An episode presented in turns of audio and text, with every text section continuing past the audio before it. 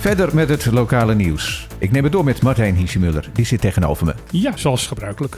De afgelopen tijd zijn er bij de afdeling cybercrime bij de politie op Bonaire veel meldingen binnengekomen over phishing. En dan met name phishing via Facebook. Je kan het zelf ook wel zien, want iedereen heeft de afgelopen tijd wel eens een keer een berichtje gekregen, een persoonlijk berichtje van iemand die zegt van, eh, sta jij op dit filmpje? Ja, Ha, ha, maar ben jij dat op die video? Ja, Ja. die heb ik ook gekregen, maar niet geopend. En gelukkig, want dat is een van de manieren waarop ze op dit moment aan het eh, vissen zijn. Ja, En je moet ermee uitkijken, want op het moment dat je op die link klikt, dan hebben ze ook jouw wachtwoord en hebben ze ook je inloggegevens.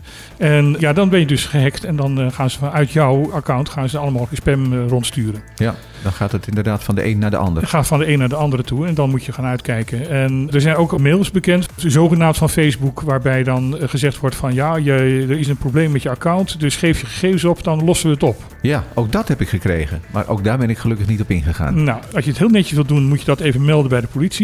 Het mailadres cybercrime.politiekpcn.com. Dan kunnen zij in de gaten houden wat er hier op dit moment gebeurt en dat eventueel ook actie in ondernemen. Verstandig om dat dus te doen. De afgelopen periode had Celibon regelmatig problemen met de vuilniswagens. Het lijkt erop dat een nieuwe vuilniswagen verlichting moet brengen. Ja, ik heb het ook de afgelopen weken een aantal keren gehad dat ze gewoon niet langskomen. Dat er eh, weer pannen was met een van de vrachtwagens. Eh, er is nu een nieuwe, of beter gezegd, er is een, een nieuwe oude. Maar die schijnt wel heel erg goed in conditie te zijn. En daarmee kunnen ze twee eh, wat gammele eh, vuilniswagens afschaffen. En daarmee hopen ze dus wat meer betrouwbaarheid te krijgen. De komende tijd moeten er nog drie aangeschaft gaan worden. Dus met één nieuwe kunnen ze twee oude vervangen. Dat vind ik wel een beetje vreemd eigenlijk. Nou, ze waren zo gammel dat ze er twee achter de hand hielden, omdat er altijd een van de twee kapot was. Op die manier. Dus je zei het al, binnenkort nog meer nieuwe vuilniswagens op Bonaire. Eerder deze week hadden we het al even over de COVID-situatie op de BES-eilanden. Vandaag zijn de cijfers bekend geworden, of eigenlijk geloof ik gisteren laat, voor wat betreft Bonaire. Voor de afgelopen week is dat. Als je bijvoorbeeld in Nederland kijkt, dan stijgen de COVID-cijfers enorm. Eh, Ja. in Nederland is dat voor de afgelopen week was dat 70% meer meldingen. Nou, Bonaire doet daar nog niet aan mee. Want als je alles plus en mint, dus de mensen die erbij zijn gekomen met besmetting en de mensen die eraf zijn gegaan, zijn het aantal actieve besmettingen op het ogenblik van 27 naar 29 gegaan. En er zijn geen mensen in het ziekenhuis met COVID. Nee, in Nederland loopt ook het aantal mensen dat in het ziekenhuis komt weer op, hè? Exact, dus we moeten rekening houden dat die vlaag hier ook wel eh, zal eh, landen. Maar eh, voorlopig nog niet. Nee. Er zijn twee personen aangehouden. Dat gebeurde bij een inval in een woonhuis in de wijk Antriol. Een man van eh, 46 jaar en een vrouw van 26 jaar. Wat er nou precies aan de hand is, is nog niet duidelijk. Daar heeft de politie nog geen eh, duidelijkheid over gegeven. Dat zullen ze waarschijnlijk voorlopig ook niet doen, want ze zijn met onderzoek bezig. De politie zegt dat er nog mogelijk andere arrestaties kunnen volgen. Er zijn een eh, grote hoeveelheid verdovende middelen en een grote som met geld eh, gevonden. In dat eh, huis In in, dat huis. Antriol. Ja. En dan volgens eh, bijna goed gebruik tegenwoordig nog even naar Curaçao aan het eind van dit bulletin. Daar hebben schoolkinderen gisterenmiddag jonge carco geplaatst in het Spaanse water. Ja, de situatie van de carco in Curaçao is nog veel ernstiger dan in Bonaire.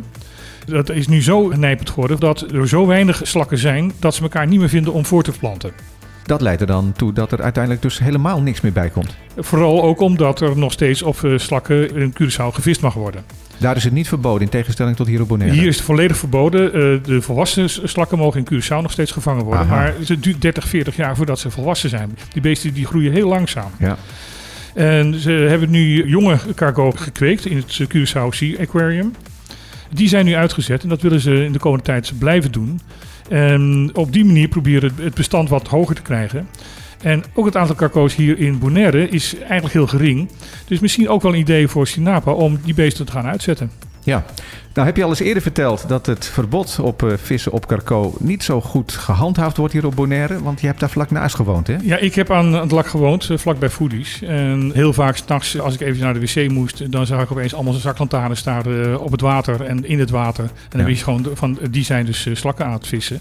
En dat is dan compleet illegaal. Dat- Ik heb een keer geprobeerd om s'nachts Sinapa te bellen. En dan kom je tot te denken dat daar dus niemand aanwezig is. Nee. Dus misschien ook voor politie en voor Sinapa een idee om daar toch een meldlijn voor te hebben. Want er wordt nog steeds illegaal gevist. Goed idee. Dit was hem voor vandaag. Martijn, dankjewel en morgen weer. Ja, graag.